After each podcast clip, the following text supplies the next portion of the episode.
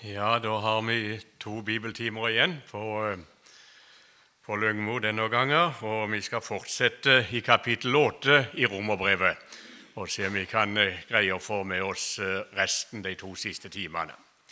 Men først så vil vi be sammen.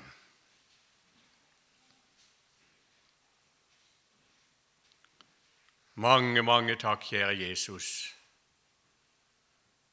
for det som vi også fikk synge her. Og takk for at snart så skal vi få være sammen med deg i ditt evige rike.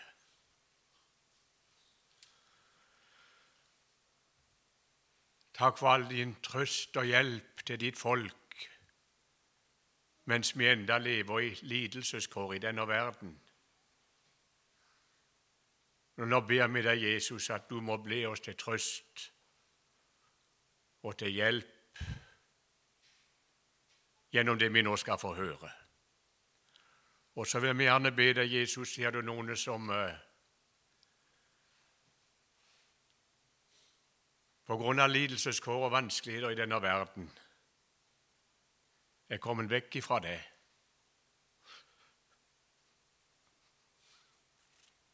Vil du kalle de inn på nytt igjen? I samfunnet med det, og vil du styrke og oppholde i en sann tro til det evige liv. Må du gi meg alt jeg trenger for min del, også i denne stund. Amen. Vi avsluttet i går med Romerbrevet 8, vers 17, og vi hørte at eh, er vi barn av Gud, så har vi også eh, barnekår og arverett hos Gud. Men så avslutter vi med dette at det er så sant vi lider med ham. Da hørte vi at det barnekåret vi har hos Gud, det eier vi helt og fullt allerede her i verden, men vi har ikke sett det ennå. Det får vi se i det fullkomne Guds rike, hva det innebærer. Men så fikk vi høre det at her i verden så lever Guds barn i lidelseskår, så sant vi lider med ham. Og her kan det være på grunn av vårt gamle menneske som ennå bor i oss. Og det var noen som gikk seg trøyte på veien fordi de ble så trøyte og lei av den kamp som en bar på, også i sitt eget indre. Det kan være også kampen i tjenesten. Man ble så trøyte også av den lidelse som fulgte med, også fordi å skulle fortjene Jesu navn. Det kunne være kampen imot denne verden. Så ble man så trøyte under lidelseskår, også i møte med denne verden. Og det kunne være forskjellige ting. Nå kommer Jesus oss her i møte med så mye trøst til sitt barn mens man lever i lidelseskår i denne verden, for at vi skal bli bevart helt hjem. Og Nå skal du sette deg riktig godt til rette på stolen for å høre den trøst som Jesus vil gi deg. Noe av dette kan være kjente ting i form av at vi har, ofte kan høre om det, men også en del av de ting vi nå skal høre om, den trøsten Jesus har, vil jeg påstå det, også er veldig litt ukjente for oss. Så vi får ikke tak i det. Men det er veldig nyttig for oss. Nå skal vi lese sammen fra Romerbrevet 8 og fra vers 18. For jeg er overbevist om at den nåværende tids lidelser ikke er for noe å regne mot den herlighet som skal åpenbares på oss. For skapningen venter og lengter etter at Guds barn skal åpenbares. Skapningen ble jo lagt under forgjengelighet, ikke frivillig, men etter Hans vilje som la den under forgjengelighet i håp om at også skapningen skal bli frigjort fra trelldommen under forgjengeligheten og nå fram til Guds barns frihet i herligheten. For vi vet at hele skapningen til denne stund sukker sammen og stunder sammen som i veer. Ja, ikke bare det, men også vi som har fått Ånden som førstegrøde, også vi sukker med oss selv mens vi lengter etter vårt barnekår, vårt legemes forløsning. For i håp er vi frelst. Men et håp som en kan se, er ikke lenger noe håp. Hvorfor skulle en håpe på det en allerede ser? Men dersom vi håper på det vi ikke ser, da lengter vi etter det med tålmodighet. Og her kommer også Ånden oss til hjelp, i vår skrøpelighet. For vi vet ikke hva vi skal be om slik som vi burde det. Men Ånden selv går i forbønn for oss med sukk som ikke rommes i ord. Men Han som gransker hjertene, vet hva Ånden trakter etter, for det er etter Guds vilje han går i forbønn for de hellige. For vi vet at alle ting samvirker til gode for dem som elsker Gud, dem som etter Hans råd er kalt. For dem som han forutkjente, dem har han også forutbestemt til å bli likedan med Hans sønns bilde, for at han skulle være den førstefødte blant mange brødre. Og dem som han forutbestemte til dette, dem har han også kalt. Og dem som han har kalt, dem har han også rettferdiggjort. Og dem som han har rettferdiggjort, dem har han også herliggjort. Her var mye, og vi skal prøve å se på det. Kanskje det går litt lengre tid da enn på de andre bibeltimene, men vi får se. Det begynner sånn. Vi snakker om trøst til Guds barn mens man er i lidelseskår. Og det første vi møter her For jeg er overbevist om Altså Den hellige ånd har lagt en overbevisning ned i Paulus sitt hjerte. Og den vil han gjerne også overbevise oss om. At den nåværende tids lidelse ikke får noe å regne mot den herlighet som skal åpenbares på oss. Er du her, eller lytter du til som for tida nå har det veldig vanskelig?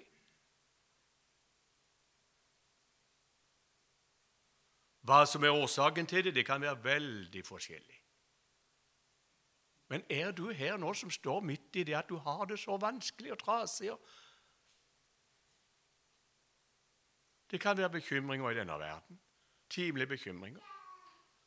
Det kan være vanskelig når man står midt oppi av så mange slag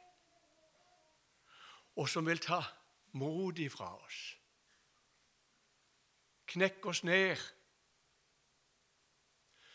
Da skal ikke vi si som så jeg er overbevist om at eh, den nåværende tids lidelse er for ingenting å regne. Det er ikke noe.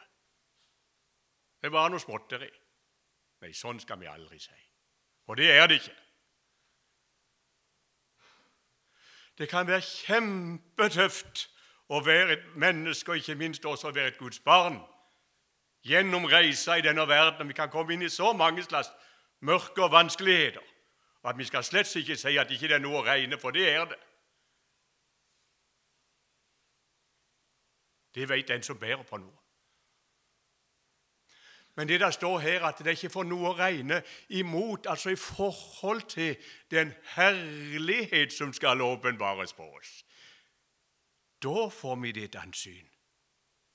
For den frelse som Jesus bringer med seg og ligger inn i det fullkomne rik, Guds rike, er så langt, langt, langt herligere enn selv all den ulykke som gamle Adam har påført oss i denne verden. Så på den måten så sier vi i forhold til det som Guds barn skal innta i det fullkomne Guds rike, så er det sånn at det for den, enda for den som måtte lide mest i denne verden, så står det faktisk her Jeg er overbevist om at det ikke får noe å regne. Men det var i forhold til noe langt, langt herlig. Den trøsten skal vi ta med oss. Jesus forbereder oss på denne verdens kår er lidelseskår. Men barnekåret som du skal få se, og herlighetskåret, det venter i det fullkomne Guds rike. Og det er så uendelig herlig. Så kommer det en trøst til. Og den må jeg vel si at det er ikke så titt at eh, verken vi som forkynnere bringer det til folket, eller at vi som enkeltmennesker også tar det til oss. Men nå skal du høre, skal du ta det til deg. Det står her for skapningen venter. Hva er skapningen for noe? Det er alt det skapte utenom oss mennesker. Hele skaperverket. For skapningen venter og lengter etter at Guds barn skal, opp, skal åpenbares. Skapningen ble jo lagt under forgjengelighet. Ikke frivillig, men etter hans vilje, som la den under forgjengelighet. Hva var det som skjedde da Adam syndet? En av de tingene som Gud sa jorda skal være forbanna for de skyld. Hele skaperverket som Gud hadde skapt, som bosted for sitt barn i skapelsen Da mennesket falt, barnekår, det kår vi hadde hos Gud før syndefall ble ødelagt, så kom også hele skaperverket under forgjengelighet. Det må forgå. Altså Det skaperverket som vi ser her, selv om vi nå er på Vestlandet og ser så mye fint Men det kan ikke være et, i dette skaperverket at Gud skal ha sitt fullkomne Guds rike. Det er dette skaperverket som vi nå ser. Det lider også. Det sukker sammen som i veer, står det her. I alt det skapte så er det noe forgjengelig, noe som forgår. Og vi som lever i vår tid og hører om alt som kan skje med vår, vår jord og så videre og skole Ja, men det må forgå, og det skal forgå.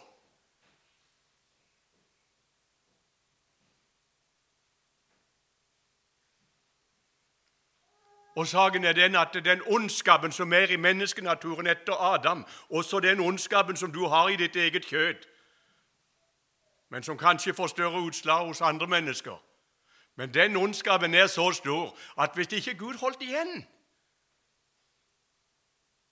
så hadde mennesket forvoldt sin egen undergang for lenge siden. Både sin undergang og skaperverkets undergang Ondskapen i Adams-naturen og menneskenaturen er så uhyggelig og så stor at Gud holder igjen. Men når Gud begynner å løsne på det og la synden få lov til å herske i denne verden Gaveverket kommer til å få gå. I den skikkelse det nå har. Og Derfor skal det også påminne oss, du som står midt inne i alle dine vanskeligheter og som kan, du kan møte i denne verden. Vel, vel, så ser vi også på skaperverket. Der kan ikke det fullkomne Guds rike være i slikt et skaperverk. Det kan det heller ikke være i ditt forgjengelige legeme. Mens du enda bærer syndenaturen, når du ser på skaperverket som lider, så må du også huske på du kommer også til å lide i denne verden, og du også er forgjengelig. Vi finner noe, noe sammenligning med, med det. Men skaperverket lengter etter Guds barns herlighet, altså skal, ikke bli, skal ikke skaperverket bli fri, de krefter som ødelegger og som forgår? Og sånn står det også vi som har fått Ånden som førstegrøde. Altså vi som har fått Den hellige ånd, som er født på ny. Fått Guds rike inn i hjertelivet. Men vi lengter jo, vi òg.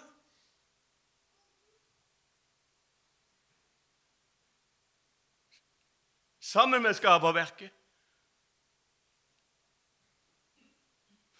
Og det er bare det at vi som har fått Guds ånd som førstegrøde, vi som har fått smak på det evige liv. Vi har jo allerede fått første utbetaling på det evige liv i og med at vi har fått Den hellige ånd i hjertet. Vi er blitt kjent med Jesus.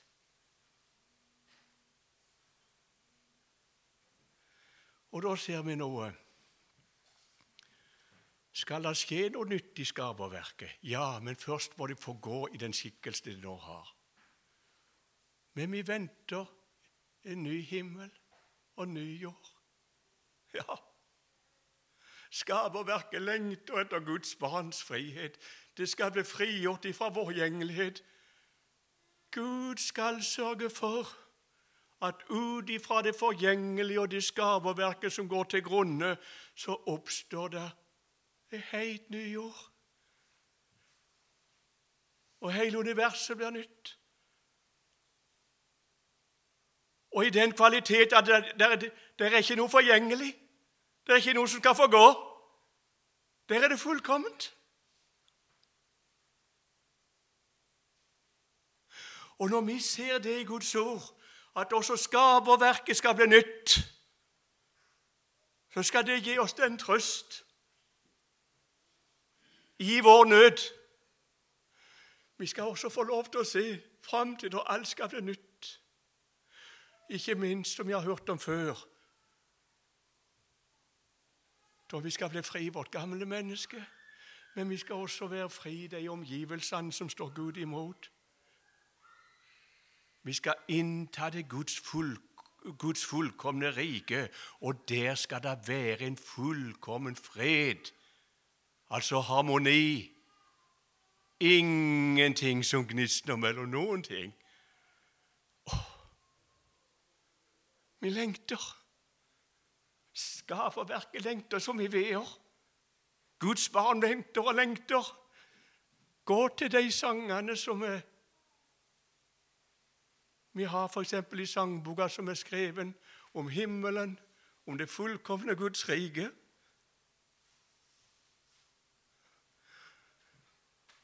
Og jeg tror vi vil finne det at ofte var de skreven av Guds barn som opplevde lidelseskår. Og så begynte lengten å komme. Lengten hjem Lengten etter det fullkomne.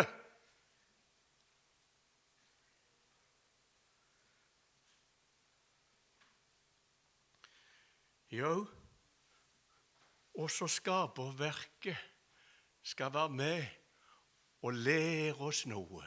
For det første så lærer oss det at det er et forgjengelig skaperverk. Og i skaperverk forgjengelig så kan ikke du opp, opp, regne med å oppleve bare herlighetskår i denne verden. Du må også regne med lidelseskår. Men like så vidt som det skal komme et nytt, ny himmel og ny jord, og alt skal bli nytt, like så visst skal det også bli noe nytt for Guds folk i det fullkomne Guds rike. De skal være med oss og holde oss oppe. Gi oss frimodighet. Og til å ikke bli liggende etter og gi opp gjennom alt som vil tynge oss ned og ta knekken på oss som Guds barn. La oss benytte oss av den trøste grunnen som Gud gir oss, også med å se på skaperverket og tenke på hva som skal skje. Så kommer det noe mer. For i håp fra vers 24, for i håp er vi frelst. Men et håp som en kan se, er ikke lenger noe håp. Hvorfor skulle en håpe på det en allerede ser? I håpet er vi frelst. Ja, ja. Vi eier det fullkomne Guds rike allerede her og nå. Men vi ser det ikke ennå. Men vi eier det, og vi eier det i håpet, sier Guds ord her. Hvorfor skulle jeg håpe på det som jeg ser? Nei, når vi ser det, så er det ikke nødvendig å håpe lenger, for da ser vi det. Men her lever vi enda i håpet. Som sagt, vi eier hele vår frelse. Vi eier barnekår hos Gud. Vi har ikke sett enda. Vi eier enda like inn til, til det fullkomne Guds rike og ny himmel og ny år. Men foreløpig i lidelseskår så eier vi det i håpet. Men det er ikke falskt håp, det er ikke dødt håp. Det er et levende håp som kommer til å slå til for fullt. Like så sikkert som Jesus døde for våre synder, oppsto til vår rettferdiggjørelse og er vår Faderens herlighet, Faderens høyre hånd. Og vi er satt med Han der, like så visst som din hjerte er retta imot Han. Og du eier Han i troen, like så sikkert så kommer håp om det fullkomne Guds rike til å slå til for fullt på både det og meg. Det skal vi regne med. Det gir noe frimodighet her inne for oss. Men som det står Men dersom vi håper på det vi ikke ser, da lengter vi etter det med tålmodighet. Og den der er litt tøff, altså. Jo, vi lengter etter det, og vi lengter etter tålmodighet. Men vi er så kjempeskrøpelige med den tålmodigheten. Men det vet Jesus om. Det vet Gud om. At du og meg vi er, vi er så skrøpelige med tanke på å vente på Guds rike med tålmodighet. Derfor så står det videre Men her, i vår skrøpelighet, med å vente på Guds rike tålmodighet, her kommer også Ånden med stor råd, Den hellige ånd, oss til hjelp i vår skrøpelighet, står der. For vi vet ikke hva vi skal be om slik som vi trenger det. Vi er altså så skrøpelige at vi skjønner ikke engang vår egen situasjon. Og langt mindre veit vi hva vi egentlig trenger for noe.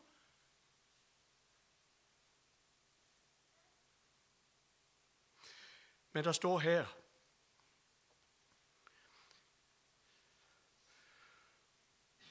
For vi vet ikke hva vi skal be om slik vi burde, men Ånden selv går i forbønn for oss med sukk som ikke rommes i ord.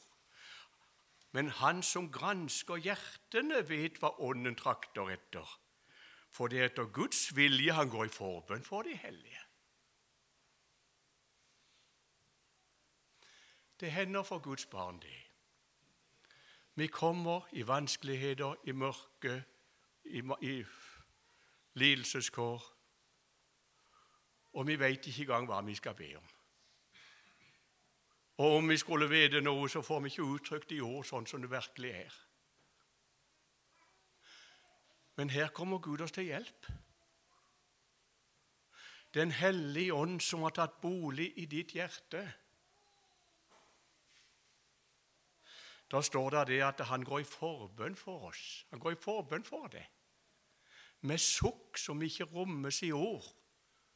Usigelige sukk, sto det i den gamle oversettelsen. Du har en forbeder. Og det er etter Guds vilje han går i forbønn for oss, står det her. På grunn av det at vi ikke greier oss igjen i våre trengsler og skrøpelighet, så har Gud gitt oss en forbeder som enda som bor i vårt hjerte. Og han ber til Gud for oss i vår nød. Har du opplevd det når du kom i mørke og vanskeligheter? Du visste ikke, mester, og du skulle be råpe om. Men hele ditt hjerte var et eneste råp til Gud. Enten du sa 'Jesus, Jesus, Jesus', eller du sa andre ting, eller ikke du fikk ord i det hele tatt. Så opplever du et råp som stiger opp til Gud ifra ditt hjerte. Den hellige ånd som bor der, faktisk. Det er han som råper til Gud, samtidig som det blir ditt råp. Men så er det han som råper og ber for det. Og så står det at det er han som gransker hjertene. Hvem er det? Det er Gud, Faderen. Han veit hva Ånden trakter etter. Han skjønner hvert eneste råp som kommer fra ditt hjerte, fra Den hellige ånd. Han veit hva du trenger til. Han skjønner hvert et ord, selv om ordet ikke blir sagt. Og han hører.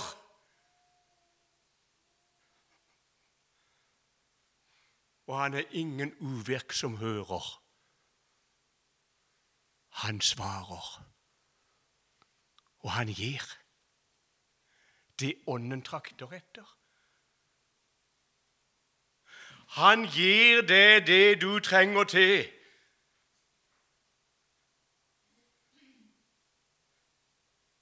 For å komme gjennom denne verden. Gjennom lidelseskår, for å komme hjem til Gud. Åndens atre, har vi hørt før, er liv og fred. Selve det evige liv. Selve den himmelske harmoni. Han gir det det, og han gir det i sin tid. Guds hører, og han svarer. Men også, som vi har hørt om, synden som hersker livets ånds lov, har i Kristus Jesus frigjort oss fra syndens og dødens lov. Den hellige ånd bringer det evige livet til oss allerede her på jord. Det begynner her på jord.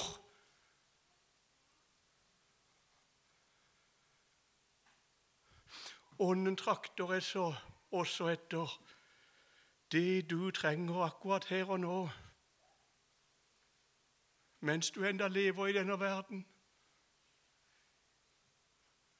Ikke det du trenger først og fremst for å skal ha det så uendelig godt i denne verden. Det er ikke det vi er opptatt av. Komme gjennom denne verden på best mulig måte. Det du trenger til for at det evige liv også skal bli virksomt i oss og gjennom oss her i verden. Det du trenger til for at du skal få bære den frukt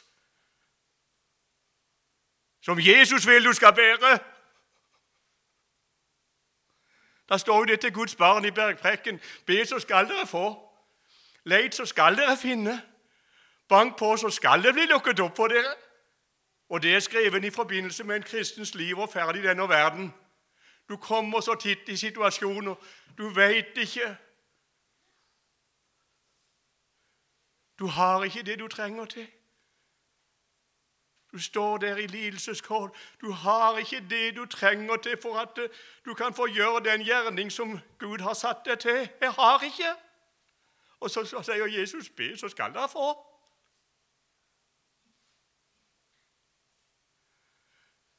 Eller leit, så skal dere finne. Du finner ikke den veien du skal gå.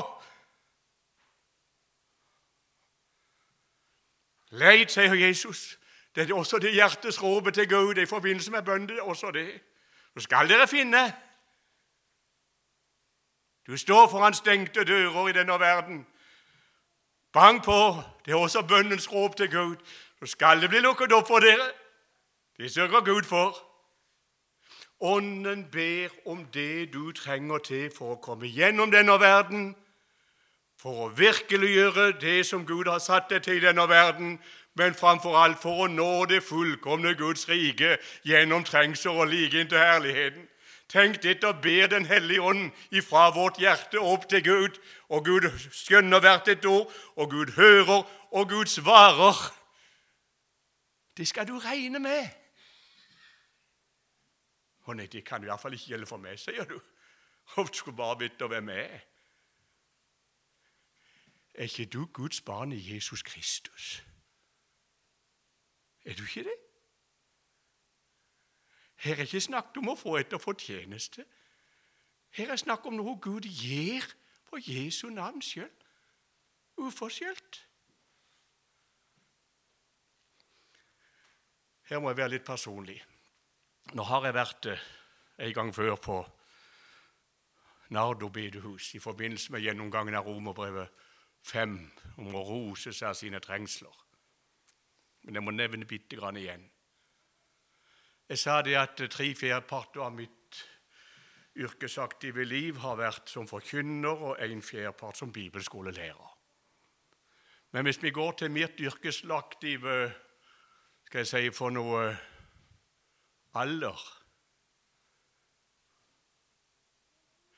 så har jeg også de siste årene vært tatt ut av både forkynnertjeneste og lærertjeneste som bibelskolelærer.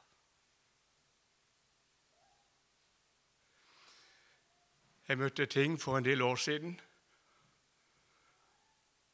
som gjorde at jeg kom inn i depresjon. Sykemeldt. Og ble uføretrygda til sist for resten av mitt yrkesaktive alder. Forrige uke så gikk den så var jeg, plutselig, nå, Da var jeg ikke lenger uføretrygda 100% og som jeg sa, nå er jeg pensjonist, 67 år. Så nå er det min tittel på den måten. Men jeg har vært uføretrygda de siste årene. Og jeg har vært i depresjon. Det er vel derfor jeg griner litt lett enda. Og jeg er ikke helt kommet med, men det er mye bedre. Og da vet jeg, og de som står meg ned, vet også om det. Nå er dette, ja, da, da, skal jeg si for noe Jeg orker ikke å Jeg måtte si opp alt som heter Kristne Blader. Jeg orker ikke å lese dem. Jeg leste Fædrelandsvennen hjemme for, jeg måtte, når jeg kom til møteannonsene. Jeg orker ikke å lese en møteannonse engang. Jeg som hadde reist hele livet. Jeg måtte bare plage forbi. Jeg orker ikke å stå og sette meg ned med Bibelen. Og langt mindre å sette meg ned for at nå skulle jeg ha en bønnestund. Jeg orker det ikke. For alt var mørkt.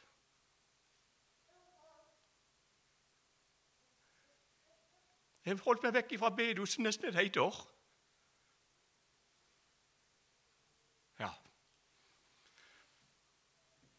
Hvordan tror du Jesus ser på sitt barn?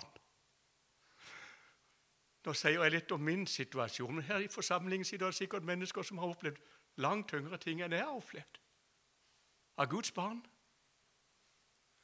Om du har opplevd ting som kanskje ikke var akkurat så dramatisk, men, men du står midt oppi din situasjon Ja, men det lille som jeg har, sier du kanskje. Ja, men det, jo, det er mye. Det er mye for deg. Og skal du regne med det som er i din situasjon? Tror Jesus er sitt barn? Ja, det gjorde han. Jeg sa det at jeg orker ikke å sette meg ned og, og ta en bønnestund. Altså, det var liksom Alt var bare Jeg vet ikke om jeg skal si det sånn. Gud alene vet om det. Men jeg tviler på det er noe tid i mitt liv da det er gått som en bønn. Ifra mitt hjerte opp til Gud. Som i den tida når jeg ikke orker å sette meg ned og ta en bønnestund engang. Saken var det. Hele mitt hjerte var et eneste rov til Gud. Om ikke jeg fikk formen vår, men var et sukk. Den hellige ånd som forbeder, som stiger fra hvert hjerte, fra, fra hjertet, for Guds barn som er i nød. Natt og dag så var det et råp. Klarte ikke forme seg i det hele tatt. Men det var etter Guds vilje. Hans slik går i forbønn for oss når du kjenner på det råpet. For det blir jo ditt råp samtidig som det er Den hellige ånd som råper. Så blir det ditt råp, og det er et Guds vilje. Han går i forbønn for oss. Og han som gransker hjertet vårt, han skjønte hvert et sukk. Jeg skjønte det ikke. Jeg visste ikke hva jeg skulle be om engang. Men Gud skjønner det, og det gjør han for din del òg. Og Gud svarer. Og la meg si for min del Etter ei uke nå Vi skulle ha syv bibeltimer fra Romerbrevet. Hadde du spurt meg om det for tre år siden, så hadde det vært helt borte. Jeg hadde lagt alt sånn på hylla, for jeg trodde ikke jeg skulle stå fram igjen noen gang. Men Den hellige ånd, han var for sitt barn. Også det jeg trengte for oss. At Guds rik også kan bli virkeliggjort i en og gjennom en allerede her i verden. Så når jeg har stått her nå de og timene her, så ser jeg på det som et svar ifra Gud, også på de mange sokk da jeg ikke kunne forme bønn i år, nesten. Og så er det noe med det som vi har hørt om i Romerbrevet 5. Vi roser oss av vår trengsler. Trengslene virker noe hos oss. Tålmodighet, et prøvet sinn, og det prøvede sinn gir håp. Har vi skjønt at Gud står fast med sitt ord og sitt løfte på ett område, så gir det håp om at vi skal nå det fullkomne Guds rike. Det styrker mitt håp. Jeg tror det at han som greide også på ny å bringe sitt budskap ut gjennom min munn, som er forstumma. Jeg tror det at han skal greie å få meg helt hjem. Ja, det tror jeg. For det er jo det som er det egentlige. Det er ikke først og fremst vi så godt i denne verden at gjennom lidelseskår så skal jeg nå hjem til Gud. Og det, du, det skal du regne med. Det skal jeg få lov til å regne med, det skal jeg få lov til å fryde meg over, glede meg over. Håpe om det fullkomne Guds rike, det er mitt. Sånn skal du regne. Og sånn styrkes håpet der Gud fører det også gjennom lidelser, trengsler og vanskeligheter, og du opplever at Guds ord og løfter deg holder.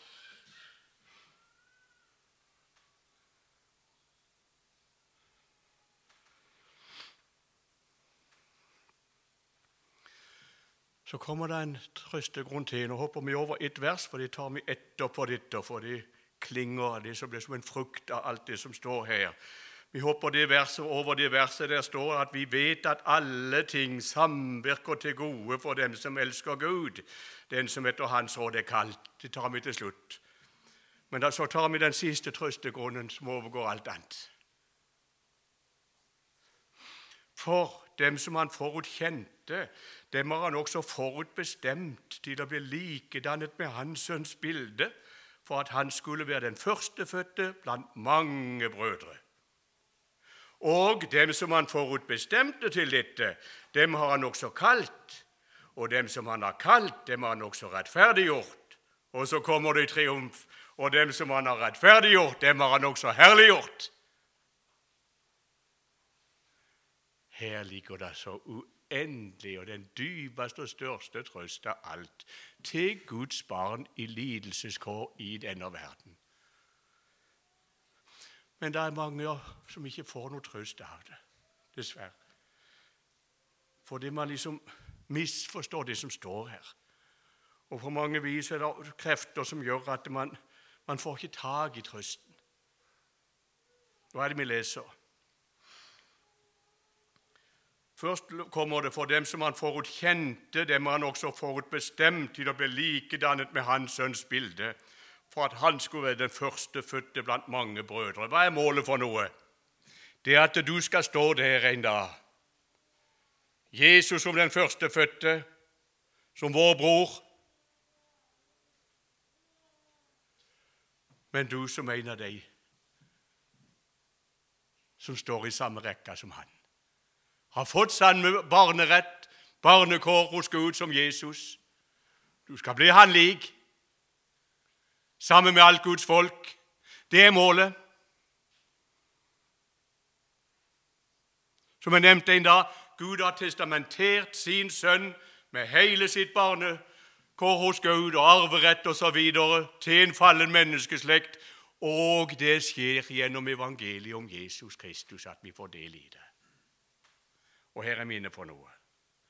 Målet har vi sagt, men så står det det begynner sånn, Der begynner det for dem som han forutkjente.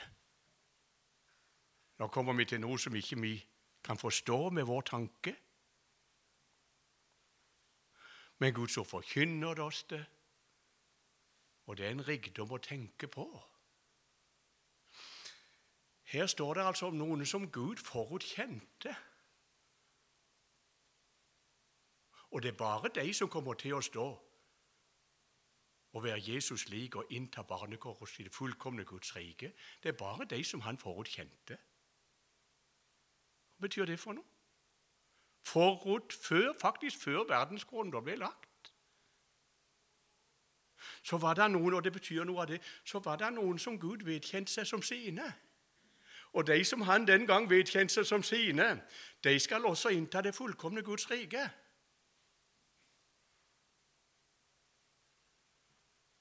Når jeg sier det at det er mange som ikke får trøst, og noen har enda kommet inn i anfektelse fordi de tenker som så at eh, Gud nærmest har forutbestemt noen til å gå fortapt, og han skal bli frelst, og han skal ikke, han har ikke sjanse, osv.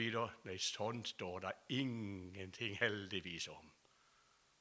Gud har aldri forutbestemt noen til å gå fortapt.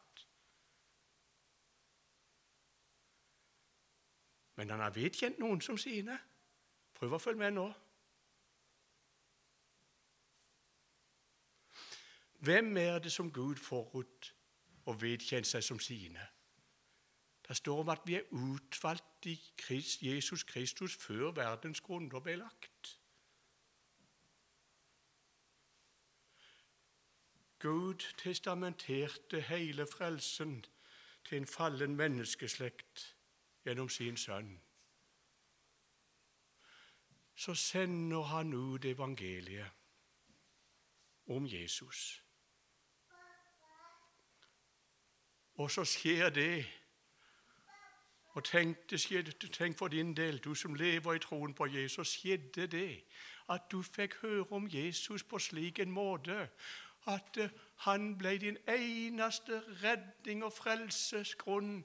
Ditt hjerte ble retta på han, og du fikk del i frelsen.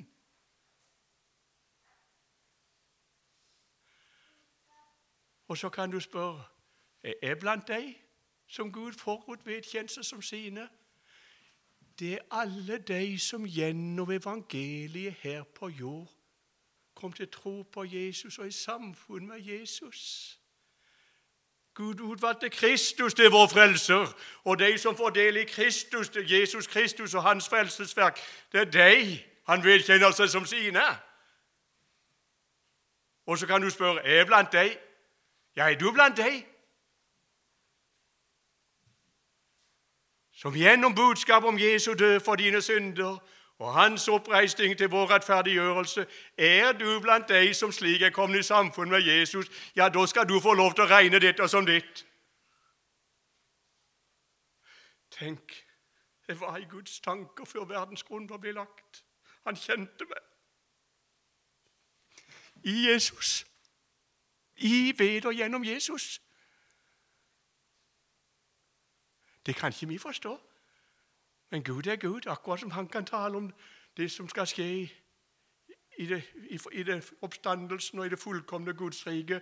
Så taler han om det som skjedde også før verdens grunner ble lagt. Og så står det noe om det her. her.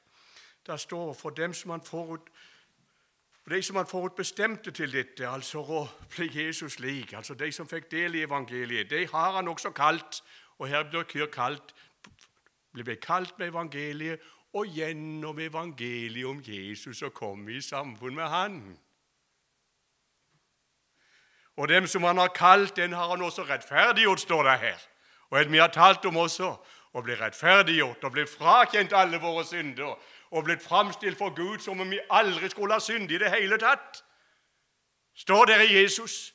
Ikke bare negativt at det er sånn at fraregner oss våre synder, men at positivt tilregner oss alt det mennesket Jesus Kristus har gjort på her på jord. Skinner og stråler for Gud. Det er Jesus, Jesus, Jesus igjen. Gud har rettferdiggjort det på grunn av Jesus. Og så står det faktisk videre. Og dem som han har rettferdiggjort, dem har han også herliggjort. Det begriper ikke vi. Herliggjørelsen hører framtida til, og det fullkomne Guds rike. Det har vi hørt om. Men her taler Gud i nåtid som om det allerede var skjedd. Jeg har nær sagt den sterkeste form for visshet. Her taler Gud om det som skal skje i det fullkomne Guds rike og i herlighet, som om det allerede var skjedd. Som om du allerede i det, står i det fullkomne Guds rike. For saken er det, det er slik Gud ser det, du som tror på Jesus. Gud ser nok dine synder, han vet godt om dine fall. Men i frelsespakten så har han lovt å aldri komme dit. Og Gud ser det allerede nå, sånn som du kommer til å stå i det fullkomne Guds rike. Tenk på det. Og slik har han sett det fra før verdens grunnlov ble lagt i Jesus Kristus. Ta det til deg. Regn med det.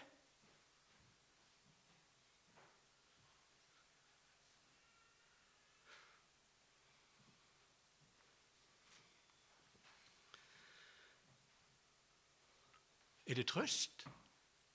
Er det hjelp til Guds barn i lidelseskår? Saken er det, Hvis vi ser på det å være et Guds barn bare ut ifra det som vi opplever i denne verden, da ser det også så tids og smått og puslete ut. I verdens øyne ser det iallfall det ut, men også i våre øyne så ser det så tids og smått og puslete ut å være en kristen og være et Guds barn. Ikke minst når vi er i mørket og allting er svart for oss. Hvorfor kommer han ikke? Hvorfor må jeg bære på alt dette? Hvorfor frir han meg ikke ut? Og så videre. Du, skal vi se på hva det vil si å være et Guds barn, så må vi se det i lys, se det i lys av herligheten. Da du står der, Jesus som den førstefødte blant mange brødre, så står du der sammen med som en av deg. Så er du hjemme, og så er skaperverket blitt nytt. Og skal du alltid få være med Jesus. Er det noe å være et Guds barn? Ja. Er det noe å være et Guds barn der du går i mørket, og alt er svart? Ja. Ja. Ja. Gud bærer sitt barn midt i det dypeste mørket. Og han skal ha det hjem. Og vet du det står? Vi hoppet over et vers. For vi vet, vi er overbevist om, at alle ting samvirker til gode for dem som elsker Gud, dem som etter Hans råd er kalt. Den som elsker Gud og er Hans råd er kalt, det er de som gjennom evangeliet om Jesus fikk del i frelsen, og som derfor så takker og elsker Han igjen som en frukt. Altså Guds barn. Det står noe om deg. Det står det at alle ting, både motgang og medgang, både glede og sorg.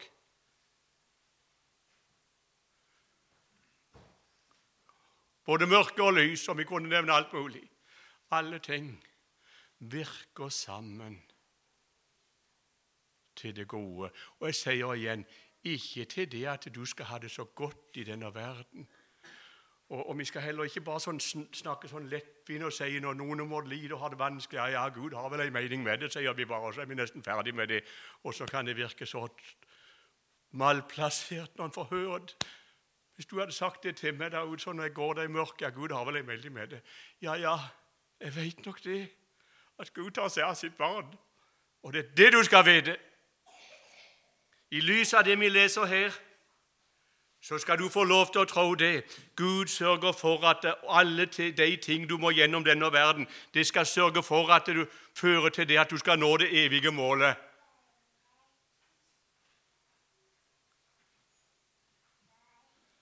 Hvorfor tok Gud meg ut i depresjon og mørke? For å få meg hjem! Og når jeg ser det i det lyset, så takker jeg Gud for det. Og samtidig, hvorfor tok han meg inn i mørket osv.? For at jeg kan få bringe dere budskapet i dag. For at Guds rike kan bli virkeliggjort også i oss og gjennom oss allerede i denne verden. Men først og fremst med tanke på det evige Guds rike. Gud som har sett meg, har hatt meg i sitt hjerte fra før verdens grunnvoll ble lagt, brakte meg evangeliet, jeg fikk tro på Jesus, kom inn i samfunn med det. Han sørger for at alle ting skal virke sammen til å nå det samme mål. Jeg skal hjem til Gud. Og Her er også det innebærer dette som vi hørte om Ånden som går i forbønn for oss. Så Vi vet ikke hva vi trenger til, vi vet ikke vår egen situasjon. Men Han som gransker hjertene, vet det. Åndens atre er liv og fred. Og Guds varer og Gud gir. Det skal vi også få lov til å være med til å overbevise om. Gud skal sørge for at alle ting skal virke sammen til å få meg hjem.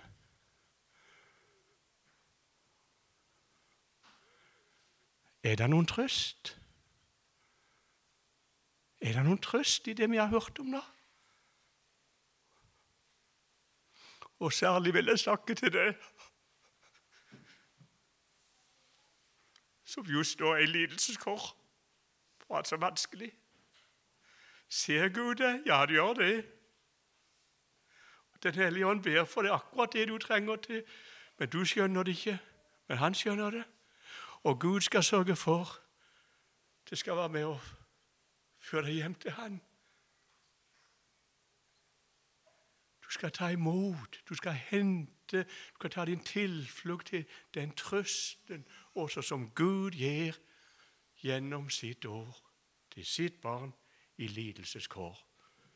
Kjære Jesus, takk for din frelse så uendelig stor. Takk for din omsorg for ditt barn er så uendelig stor. Langt mer enn vi kan fatte. Takk for du som døde på Golgata kors for våre synder, og du som oppsto i dag sitter med Faderens øyre hand, og vårt liv er skjult med deg. Takk for du en dag skal framstille oss i herlighet. Og du skal stå der som bror blant brødre, som den førstefødte. Og takk for du også sørger for oss gjennom denne verden både gjennom mørke og lys, glede og sorg, motgang og medgang. Takk for alt som var med og dreiv oss hjem til deg. Og ser du noen her som er blitt etter på veien, som er kommet vekk fra det på grunn av alt som skjedde, så ber vi deg, kjære Jesus, vil du kalle dem tilbake i ditt navn. Og så vet du også for ditt folk at vi kan vende oss vekk ifra det. Herre Jesus, se til oss at vi aldri vender oss vekk fra din store frelse, men at vi får være i det i ditt navn. Amen.